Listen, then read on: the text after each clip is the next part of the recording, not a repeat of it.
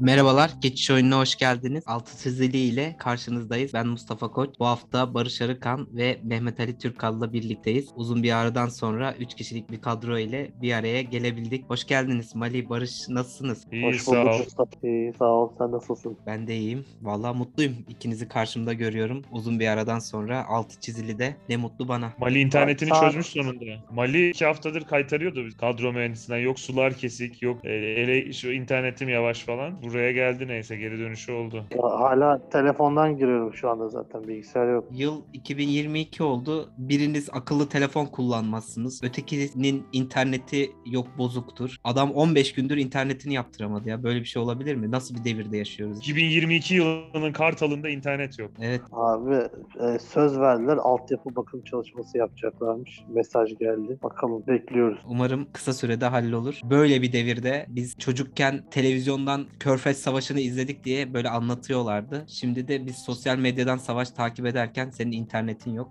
Yanlış zamana denk gelmiş diyelim. Barı- Barış'ın da akıllı telefonu yok abi.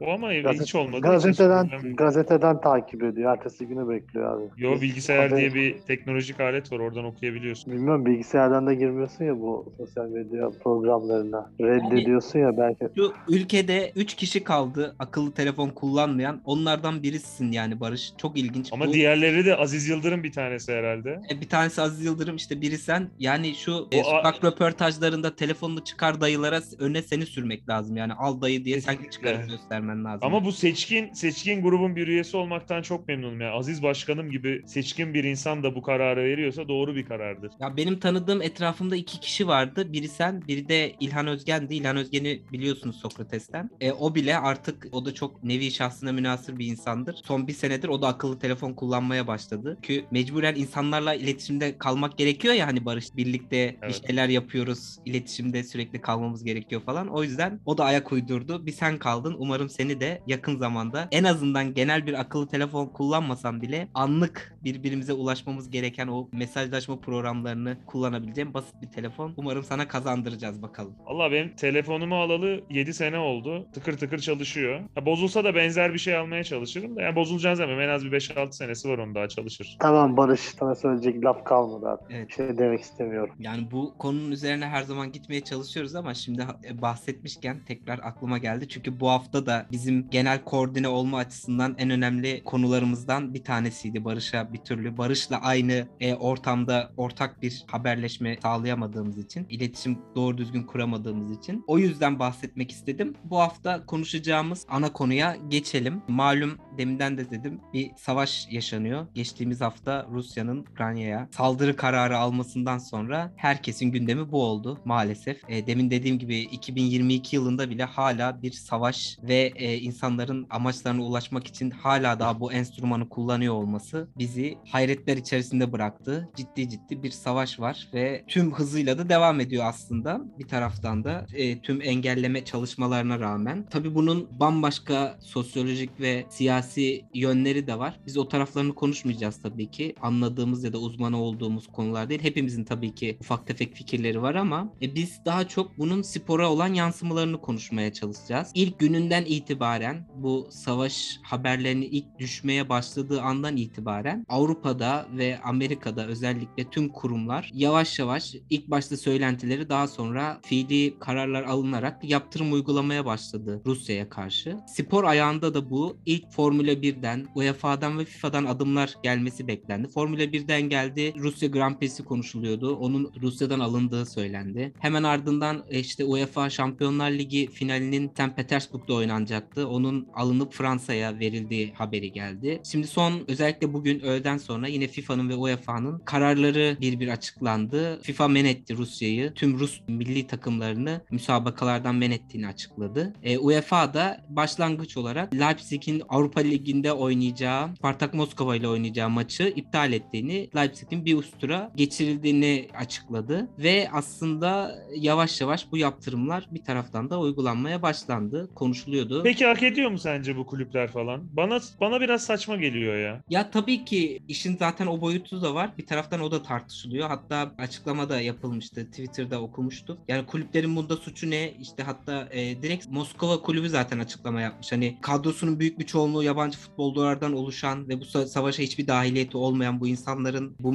turnuvadan e, men edilerek ne kanıtlanmaya çalıştı. Bu savaşı ortaya çıkartan nedenleri bastırma adına ve o karardan döndürme adına her kurum kendi elindeki enstrümanları ortaya sürüyor. UEFA'nın ve FIFA'nın da e, ortaya sürebileceği enstrümanlar bunlar kullanabileceği enstrümanlar en azından o takımları yine o ülkenin takımlarını men ederek o da kendince bu e, olaya bir tepki gösteriyor. Tabii ki senin dediğin boyutu var. Biz de zaten bunları tartışmaya çalışacağız. Sen başla istersen Barış. Şunu söylemek lazım. Rusya Grand Prix'sini iptal etmekle, Şampiyonlar Ligi finalini St. Petersburg'dan almakla Spartak Moskova'yı Şampiyon UEFA Avrupa Ligi'nden men etmek aynı şey değil. Ya da işte e, Avrupa'nın en basiretsiz, en çapsız organizasyonu uluslararası e, Euroleague. Euroleague bile men etti durum bir daha değişene kadar falan diyor şeyi Rus takımlarını. Yani Rus takımlarını tarafsız sahada oynatmayı anlarım. Rus bayrağı altında mücadele ettirmemeyi anlarım. Ama yani spor bu değil. Sporun amacı zaten hep klasik hikaye. Sen toprak sahada yazmış adamsın. Benden daha iyi bilirsin. Dünya Kupası'nın ortaya çıkma sebebi savaş meydanında değil de saha içinde bunlar atsınlar şeylerini.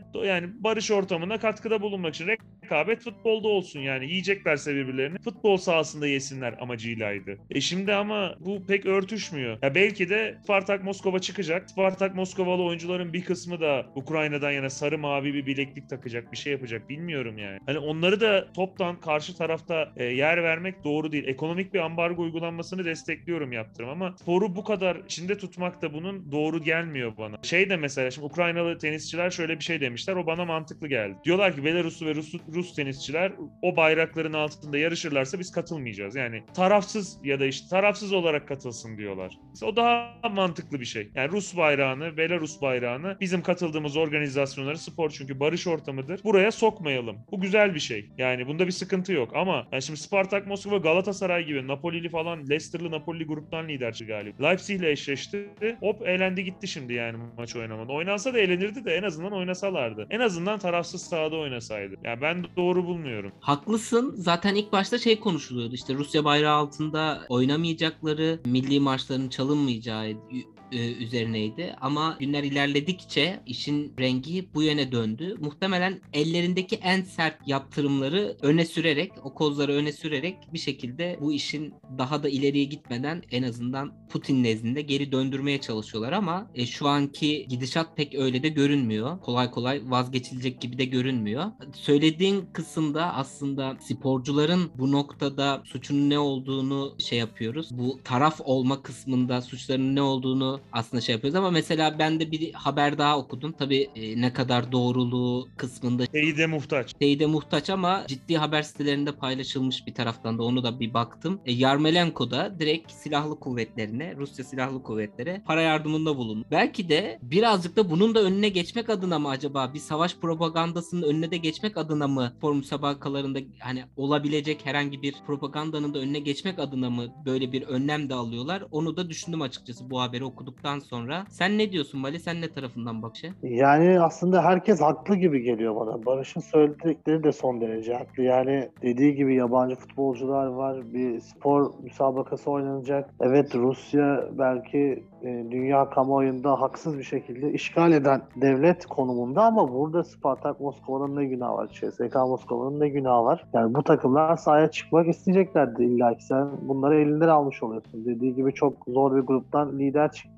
Ama diğer taraftan bakınca senin söylediklerin de çok mantıklı. Yani e, bambaşka propagandalar olabilir. Olay bambaşka yerlere gidebilir. E, burada biz barışı beklerken çok çok farklı olaylar çıkıp daha da tırmanabilir. Bu açıdan bakınca da Rus takımlarının turnuva dışında kalması biraz daha makul gibi geliyor. Ben de aslında biraz daha turnuva dışında kalmalarına yakınım diyebilirim. E, her ne kadar sportif açıdan sıkıntılı bir karar olsa da şu anki konjonktürde sanki daha sağlıklı olan durum takımlarının olmaması. E, diğer bir yandan bakınca da Mert'le de konuşan gün Doğu ve Batı. Yani dünyadaki bu iki blok çok net biçimde ayrışıyor. Mert'in çekinceleri vardı burada. Hani Rusya'nın e, haklı haksız durumundan ziyade Doğu tarafından gelen bir durum olduğunda Batı her zaman daha çok sert tepki veriyor. Ama Batı'nın yaptığı sömürgeler, saldırılar ya da farklı durumlar dünya kamuoyunda o denli tepkiyi görmüyor. Yani şöyle söyleyeyim, şimdi ülke örnekte vermeyelim ama Batı'dan bir ülke, herhangi bir ülke e, savaş savaş açsaydı bunun neticesinde bu ülkenin takımı men edilir miydi? Bu da bir bakış açısı. Mert'e de bu konuda katılıyorum açıkçası. Ben de edileceğini düşünmüyorum. Yani bir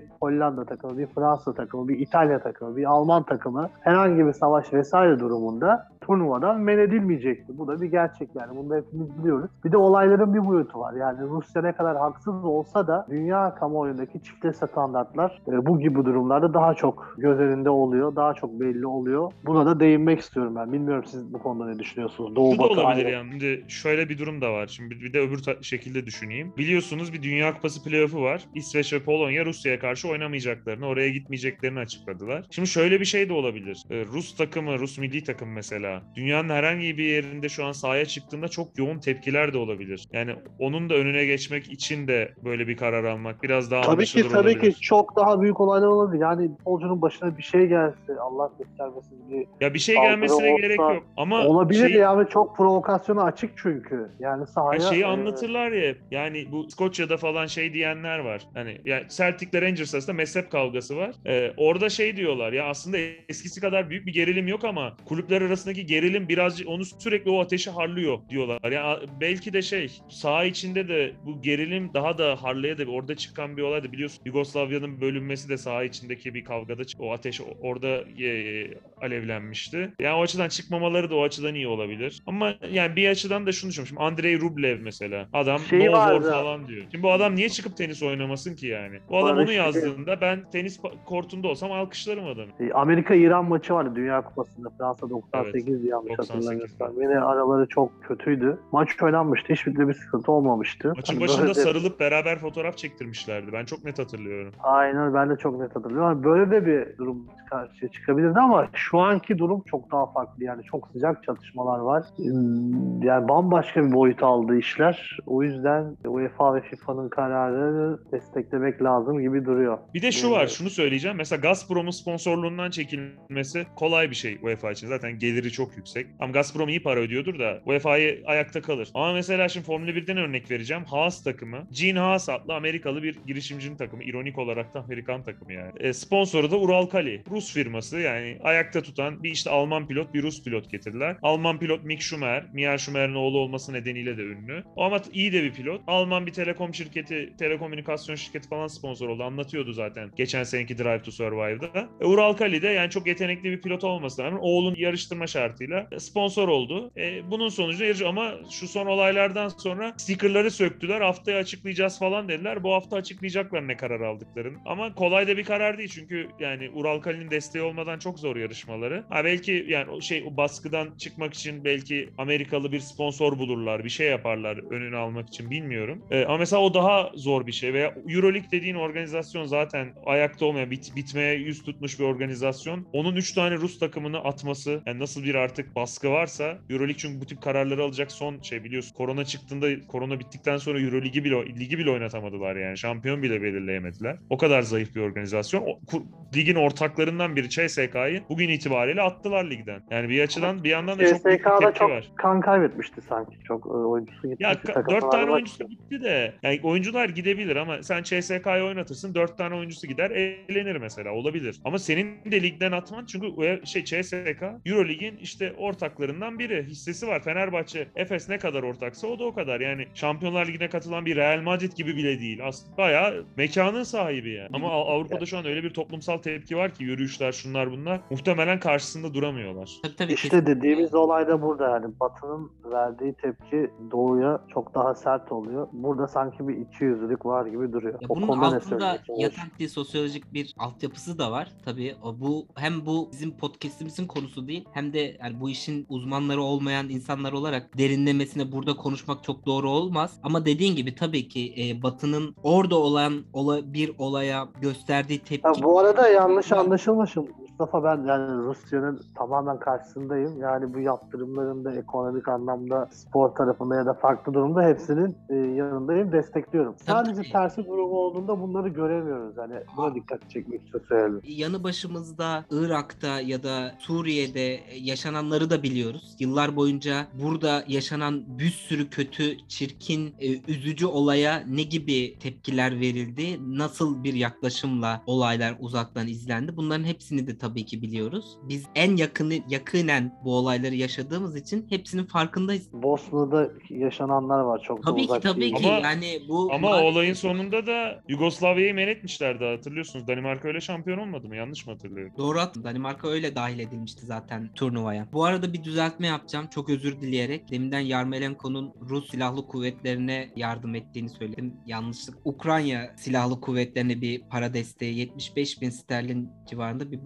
oldu. Orada bir yanlış cümle kurdum. Özür diliyorum. Onu düzelt. Ee, diyerek yani bir taraftan da toparlayalım. Çünkü aslında can sıkıcı olaylar. Ee, hali hazırda maalesef ki işte hepimiz elimize telefonu alıp ya da ne zaman televizyonu açsak e, bütün kanallarda canlı canlı bu savaşı izliyoruz. Ne olup ne bittiğini merak ediyoruz bir taraftan. Bir taraftan da ne zaman diye gözlüyoruz. Çünkü Türkiye'de maalesef çok ciddi etkileri oluyor. Olacağını da tahmin edebiliyoruz. Umarım kısa sürede atlatılabilecek en hafif hasarla bu iş biter. Tüm e, dileklerimiz bu yönde. Diyerek başka ekleyeceğiniz yoksa bu konuda bu konuyu yavaş yavaş kapatalım istiyorum. Şunu da söyleyeyim. Şöyle bir şey de yapılabilirdi. Ona göre daha iyi tabii ki. E şimdi mesela Rus takımları devam ederdi. Rus milli takımı devam ederdi. Sahada doğrarlardı. Öyle elerlerdi. Öyle olacağına böyle olması da daha iyi aslında. Ya tabii ki daha iyi ama işte deminden de konuştuk ya hepimiz aslında bir yerde hemfikiriz o konuda. Yani o sahaya çıkıldığında nelerle karşılaşabileceğinin garantisi yok. Neler olabileceğinin garantisi yok. Birazcık onun önüne geçmek. Bir taraftan da bu yaptırımlarla caydırıcılığı arttırmak da bir hedef. Ama o bayrak altında ya da işte o milli marşlar okunmadan tabii ki bunlar da bir çözümdü ama orada neler olabileceğini kestirmek çok zor. Aynı sahada bir Ukraynalı e, sporcu bir Rus sporcunun da e, karşı karşıya gelme ve çok acayip e, işlerin yaşanma ihtimali de var. Hat, bilirsiniz bir ara Türkiye ile Yunanistan kurallarda eşleşmezdi. İşte Türk takımlarıyla Yunan takımları eşleş, eşleşmezdi ya da Ermenistan takımlarıyla Türk takımları eşleşmezdi ki bunların önüne geçebilmek, yaşanabilecek herhangi bir olumsuz durumun önüne geçebilmek için baştan bir böyle bir önlem alınırdı. Tabi zamanla onlar aşıldı. Bugünlere öyle geldik. E, muhtemelen Rusya Ukrayna arasında da bir müddet sonra bu olaylar bittikten sonra böyle bir önlemle işler devam edecektir yine. Dediğim gibi Tabii umarım iki ülkede kalırsa Ukrayna'da bu şekilde kalırsa. Şunu da söylemek lazım sporun barış üzerindeki etkisiyle ilgili. Mesela Yunanistan dedin. Şu an Türkiye Ligi'nde pek çok Yunan oyuncu oynuyor. Hepsi her biri de çok seviliyor. Basketbolcu da işte Fenerbahçe Euroleague şampiyonası Lukas vardı. E futbolcu işte Pelkas var, Bakasetas var, işte Siopis var. Var. Yani çok var. Şimdi şeyde Sivas'ta var. Gutas bizim Mert'in çok sevdiği. E, yani Gekas oynadı o kadar sene. Gekas yani her bir de farklı coğrafyalarda İbrahim oynadı. İbrahim Kutlay Panathinaikos'ta çok sevilirdi. Evet çok sevilirdi. AEK, AEK'da da. Yani hani böyle spor bu aslında. İşte onun için oynansa bir daha iyi ama bir taraftan şeyler de var. Zor kararlar. Bakalım. Diyerek daha e, Konuşmaktan zevk alacağımız konulara geçelim. konuşmaktan zevk alacağımız konulara geçelim. Hatırlarsınız geçen sene bir programda hatta başlığa da onunla çıkmıştık. Deli mi dahi mi diye. Bielsa konuşmuştuk. Bielsa'nın evet, sevdiğim sonunda konulara geldik. Bielsa'nın sonunda Leeds United'la yolları ayrıldı. Çünkü acayip bir tepe taklak gitme durumu vardı son dönemde. Bir türlü toparlayamadı. Hem forvette yaşanan sorun hem özellikle defans önünde o eksiği bir türlü giderememe, e, orada oraya bir çözüm bulamama sorunu takımın da iyi sonuçlar almasına engel oluyordu. Yani geçen sene o acayip bir hava yakalamışlardı. Herkesin de böyle bir övdüğü futbol vardı. Tabii ki çılgınca bir işti aslında oynadıkları futbol. Ama bu sezona onu aktarıp devam ettiremediler. Ve sonunda Bielsa ile yollar ayrıldı. Conte'nin de bir açıklaması var. Bugün onu okudum. Ya nasıl olabilir işte o ondan çok şey öğreniyoruz. O Bu efendiliği bir kenara bıraksın. Yapmasın. O konteden öğrensin yani.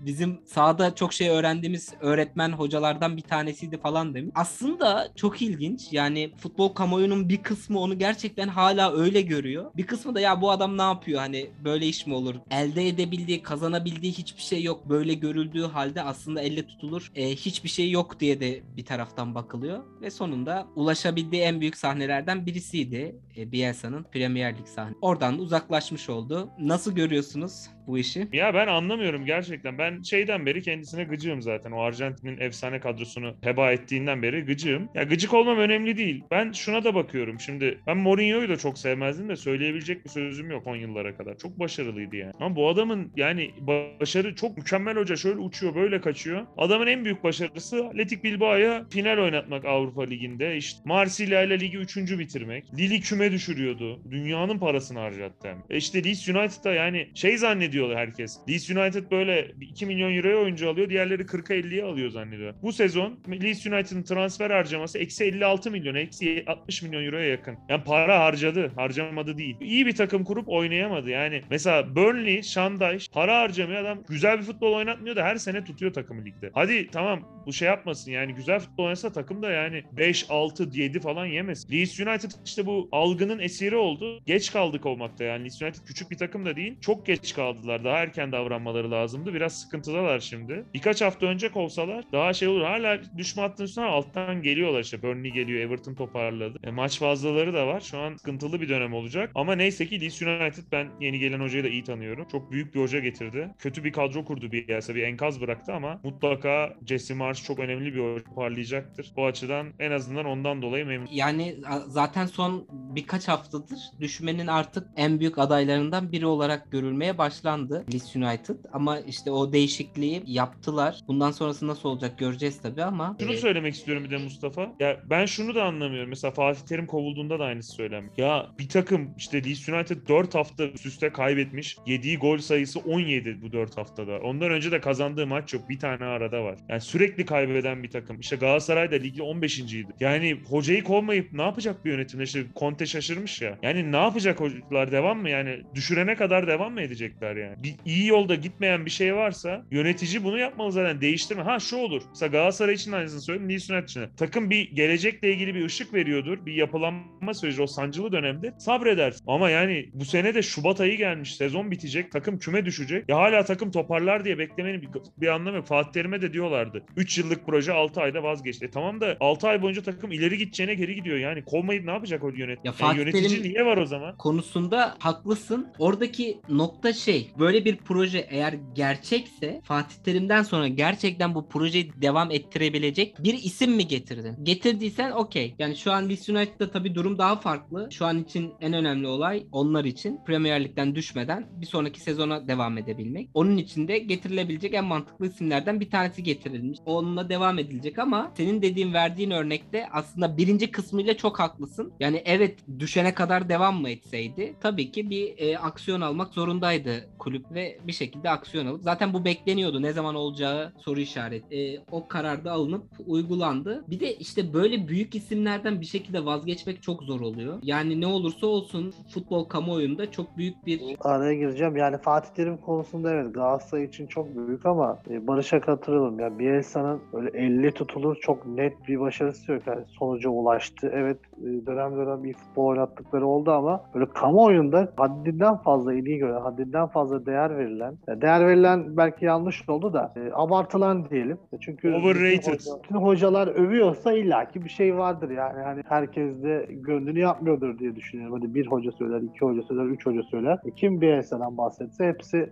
Ya e, ne kadar iyi olduğunu söylüyor. O sebepten çok fazla üstüne gitmeyelim ama bana böyle abartılı isimler hep antipatik gelmiştir. İşte Türkiye'de de bunu Barış'la kadro mühendisi yaptığında konuşuyoruz. E, Nestor El Maestro vardı mesela. İşte iki cümle kurdu, iki maç kazandı. Yani haftalarca bir filmi çıkmadığı kaldı. Onu bekliyordum. Hani dizisi falan yapılacak diye. E, nitekim e, tekrardan e, Göztepe üst üste maç kaybetmeye başladı. İşte Hikmet Karaman çok sık yapar. Biliyorsun 2-3 maç kazanınca hemen zaten onun Bielsa'nın onun da biliyorsun şeyi Bielsa'dır. Bielsa'nın Şeyi, diye. Bielsa. onun hocası gibi Bielsa. Yani olmuyor böyle yani. Haddinden fazla abartmak maalesef e, tüm dünya futbol kamuoyuna özgü demek ki. O yüzden Bielsa da yine hak ettiği şekilde görevinden alındı. Yani bu sonuçlar Yani Ralf Ragnik var mesela. Kim olsa Yani duramaz. akıl hocasıysa günümüz futbolunun Ralf Ragnik var ya. Bielsa ne?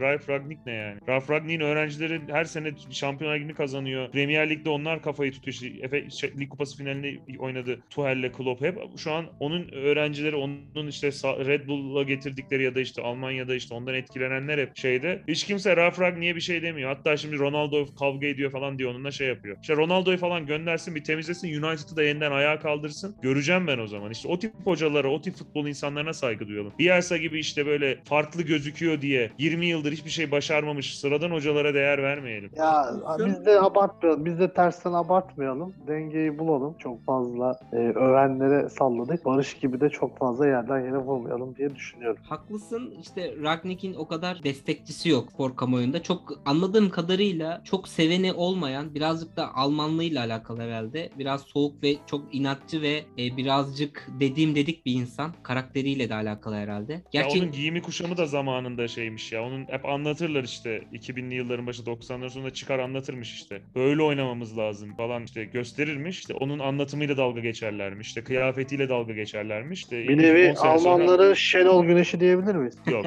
Şenol Güneş. Ya Şenol Güneş gibi boş konuşmuyor canım. E, birazcık onunla alakalı. Gerçi şey de biraz e, aksi bir karakteri olduğu biliniyor ama Bielsa'nın da seveni çok. Demelen işte onun o geçen sezon konuştuğumuzda da e, birazcık ondan bahsetmiştik. O arka planda aslında o birazcık antrenman teknikleri, birazcık futbola bakışı ve yaklaşımı insanları çok cezbediyor. Özellikle onu izleyen, onu birazcık daha yakından tanıyan teknik adamları birazcık öyle tanıyoruz. E, yoksa bizim bu kadar yakından Ya, ahkam Futbol kesmemiz aklına mümkün değil. saygı duyuyorlardır. Biz de futbol aklına saygı duyabiliriz. Bunda bir sıkıntı yok. Ama teknik direktörlük dediğin şey şimdi iyi hocalara sorduğun zaman işte geçen Nagelsmann diyordu. İşte hocalığın %70'i iletişimdir. Yani tamam o %30'luk kısımda uzman olabilir de oyunculara bunu aktarmadıktan sonra şimdi 2000 doğumlu oyunculara, 2003 doğumlu oyunculara bunları aktaramadıktan sonra o bilginin çok bir anlamı yok işte. Seminer verir, Guardiola ile sohbet eder. İşte ne bileyim Conte ile fikir tartışması yapar. Ama bu iyi bir teknik direktör olduğu anlamına gelmiyor. Evet. Futbol aklı olabilir. Orada kariyeri birazcık daha farklı yöne doğru yönlendirmek gerekiyor. O e, işte Şenol Güneş'i konuşurken de bunlardan ben ben de çok bahsettim. E, birazcık o elde etme e, bazı şeyleri kibiri de oluşturuyor muhtemelen. Onunla birlikte daha fazla sahada olma çabası. Dediğin gibi şimdiki nesle de bunu aktaramadıktan sonra aslında ne kadar dahi olursan ol bir anlam ifade etmiyor sahada. Bir de bugünün ben açıkçası bahsetmek istediğim bir haber daha vardı bugün için. Buffon sözleşmesini uzattı. 90'ların sonu 2000'lerin başı Parmail efsanesi olarak çıkmıştı biliyorsunuz Buffon. Ee, şu an 44 yaşında, 46 yaşında sona erecek bir anlaşmaya imza atarak sözleşmesini uzattı. Tabii ki düzenli sahada olmayacaktır ama Parma formasıyla bir müddet daha efsaneyi izleyeceğiz. Şöyle ben onu ilk şöyle hatırlıyorum. Euro 2000'e katılamak 11 oynayacaktı. Sakatlanmıştı. Onun yerine Toldo oynamıştı. Ee, Ben hani Buffon'u ilk öyle tanımıştım açıkçası. İlk tanıdıklarımdan biri oydu. E, 22 yıl olmuş ya. Şu an o, o, o zamanki oyuncular şu an dünya futbolunun yıldızı işte Haaland o sene doğdu. Evet çok acayip. Büyük efsanelerden bir tanesi. Ki Şampiyonlar Ligi'ni kazanma arzusuyla Juventus'tan ayrılıp bir Paris Saint Germain ufak bir e, Maalesef. macerası da oldu ama denemesi de oldu ama o amacına ulaşamadan geri dönmek zorunda kaldı maalesef. Bu fondan da bahsederek yavaş yavaş podcastimizin sonuna geliyoruz. Barış ve Mali ağzınıza sağlık. Bu hafta maalesef Rica ederim. Ne zaman Bielsa'ya ya da Federer'e sallamak gerekirse seve seve gelir sallarım. e, biraz Ben de şey diyeyim bir hata olduysa kusura bakmasınlar. Ee, biraz zor şartlarda telefondan kulaklıkla falan bağlanarak yapmaya çalıştık. Seste vesaire problem olursa olduysa yani dinleyenlerden özür diliyorum. Elimizde olmayan sebeplerden dolayı bir takım aksaklıklar yaşıyoruz. Maalesef internet problemimiz hala çözülemedi. İşte Barış'ın dediği gibi 2022'nin Kartal'ında maalesef böyle problemlerle hala daha karşılaşabiliyoruz. Podcast'in başında da söylemiştim. Ufak tefek tatsız konulardan da konuştuk ama sonunda Bielsa'yla ve Buffon'la birazcık daha futbolun güzelliklerinden de bahsetmeye çalıştık. Ee, Hangi masada olmak istersiniz? Bielsa'yla mı Buffon'la mı? Abi Buffon'la tabii. Buffon'un o ben şeyi hatırlıyorum ya. Çok acayip karizmatik bir takımdı bence ki Barış sen de iyi bilirsin o takımı. O aralar Galatasaray sık sık e, eşleşiyordu Juventus'la. 2000'lerin başlarında Del Piero'lu, işte Ferrera'lı, Buffon'lu kadroyla böyle acayip bir David. Evet evet. Buffon'un böyle acayip e, şeyi vardı. Favorileri vardı. Bir tanesi düz, bir tanesi böyle yılan şeklindeydi. Hatırlar mısınız bilmiyorum. Abi Ee, Del Piero'nun favorilerini hatırlıyorum ben yani. Del Piero'nunki de tabii çok acayipti de Buffon'un da ben o favorilerini hatırlıyorum. Acayip karizmatik bir takımdı ki Buffon'un kendisi de zaten çok karizmatik bir adam. Tabii ki Buffon'la aynı masada olmak. İşte o şeydi ama o takım şey ben hatırlıyorum bir. Şampiyon grubunda ilk 4 maçını mı 5 maçını mı kazanmıştı arka arka ama hepsi bir. Nedved falan da vardı hatırlıyorum o takım. E, şeyi git e, işte bu Milan'la falan oyladıkları sene değil mi o? Şevşenko'nun penaltı kaçırdı evet. Çok iğrenç bir film. Şevçenko'nun da çok güzel bir golü var Buffon'a böyle sağ ayak içiyle arka direğe doğru. Milan Juventus maçında. O da gözümün önüne geldi şu an. Neyse Şevşenko nezdinde Ukrayna'ya da desteğimizi belirtelim. Ukrayna ile açtık, Ukrayna ile kapatalım. Ukrayna üzerine kapatalım. De- dediğimiz gibi umarım bu iş en kısa sürede biter. Bizim de gündemimizden çıkar. Zaten iğrenç yıllar yaşıyoruz. Gün o geçmiyor ki dünyada bir kaos yaşanmasın. Şu salgından kurtulmaya çalışıyorduk. Son günlerini yaşıyoruz. Bu yaz her şey çok güzel olacak derken bir de savaş patlak verdi. Umarım dünya en kısa sürede eski normal günlerine geri döner diyerek Dünyanın sonuna doğduk abi. Manga'nın şarkısı gibi dünyanın sonuna doğduk. Biz maalesef bu böyle bir nesliz. Artık yapacak bir şey yok. Her şeye eyvallah diyerek ömrümüzü tamamlayacağız. Herkese saygılar, sevgiler. diyerek podcast'imizi kapatalım. Ağzınıza sağlık. Tekrardan altı çizilinin sonuna geldik. Bizi tüm podcast mecralarından dinleyebilirsiniz. Aynı zamanda YouTube'da GoCast kanalıyla da bizlere ulaşabilirsiniz. Takip edip dinleyebilir. İsterseniz yorumlarınızı bırakabilirsiniz. Ya da yorumcularımızı yarışma programlarında da takip edebilirsiniz. evet Ya ondan bak, da ondan da Mustafa bahsedelim. yani bak ben gerçekten çok üzüldüm. Rakip kanala bizim yorumcumuz yarışmacı olarak katıldı. en kısa zamanda patron olarak el koyup bizim de bir yarışma programı yapmamız gerekiyor. Daha orijinal, daha özgün içeriklerimizde biz devam edelim. Boş ver. Ondan da bahsedelim. Hakan Clean Sheet'te dinleyenler bilir. Hakan Gürsan Sokrates derginin çok biliyorsun yarışmasına katılmıştı. Bu hafta sonu yayınlandı. Harika da bir, da yaptı. Aynen ha- harika da bir yarış çıkardı ve e, karşısında oyun sonu canavarıyla e, yarıştığı Aslında için maalesef Google vardı. evet yani çok acayip bir adamla yarıştı. Onu da tebrik ediyoruz. Yani müthiş bir yarışma çıkardı. Hakan da çok iyiydi tabii ki ama yani tane iki tane soruyla iş ö- buraya geldi. Tebrik ediyoruz Hakan'ı. Sokrates'te çok biliyorsun yarışmasında merak edenleri de e, merak edenler de oradan izleyebilir. Bizler de yavaş yavaş veda ediyoruz. Tekrar e, hatırlatalım bizi tüm podcast mecralarından ve YouTube'dan takip edebilirsiniz, dinleyebilirsiniz. Önümüzdeki hafta yine haftanın bizim için konuşmaya değer altını çizdiğimiz konularıyla karşınızda olacağız. Tekrar görüşmek üzere. Hoşçakalın. Hoşçakalın. Hoşça kalın.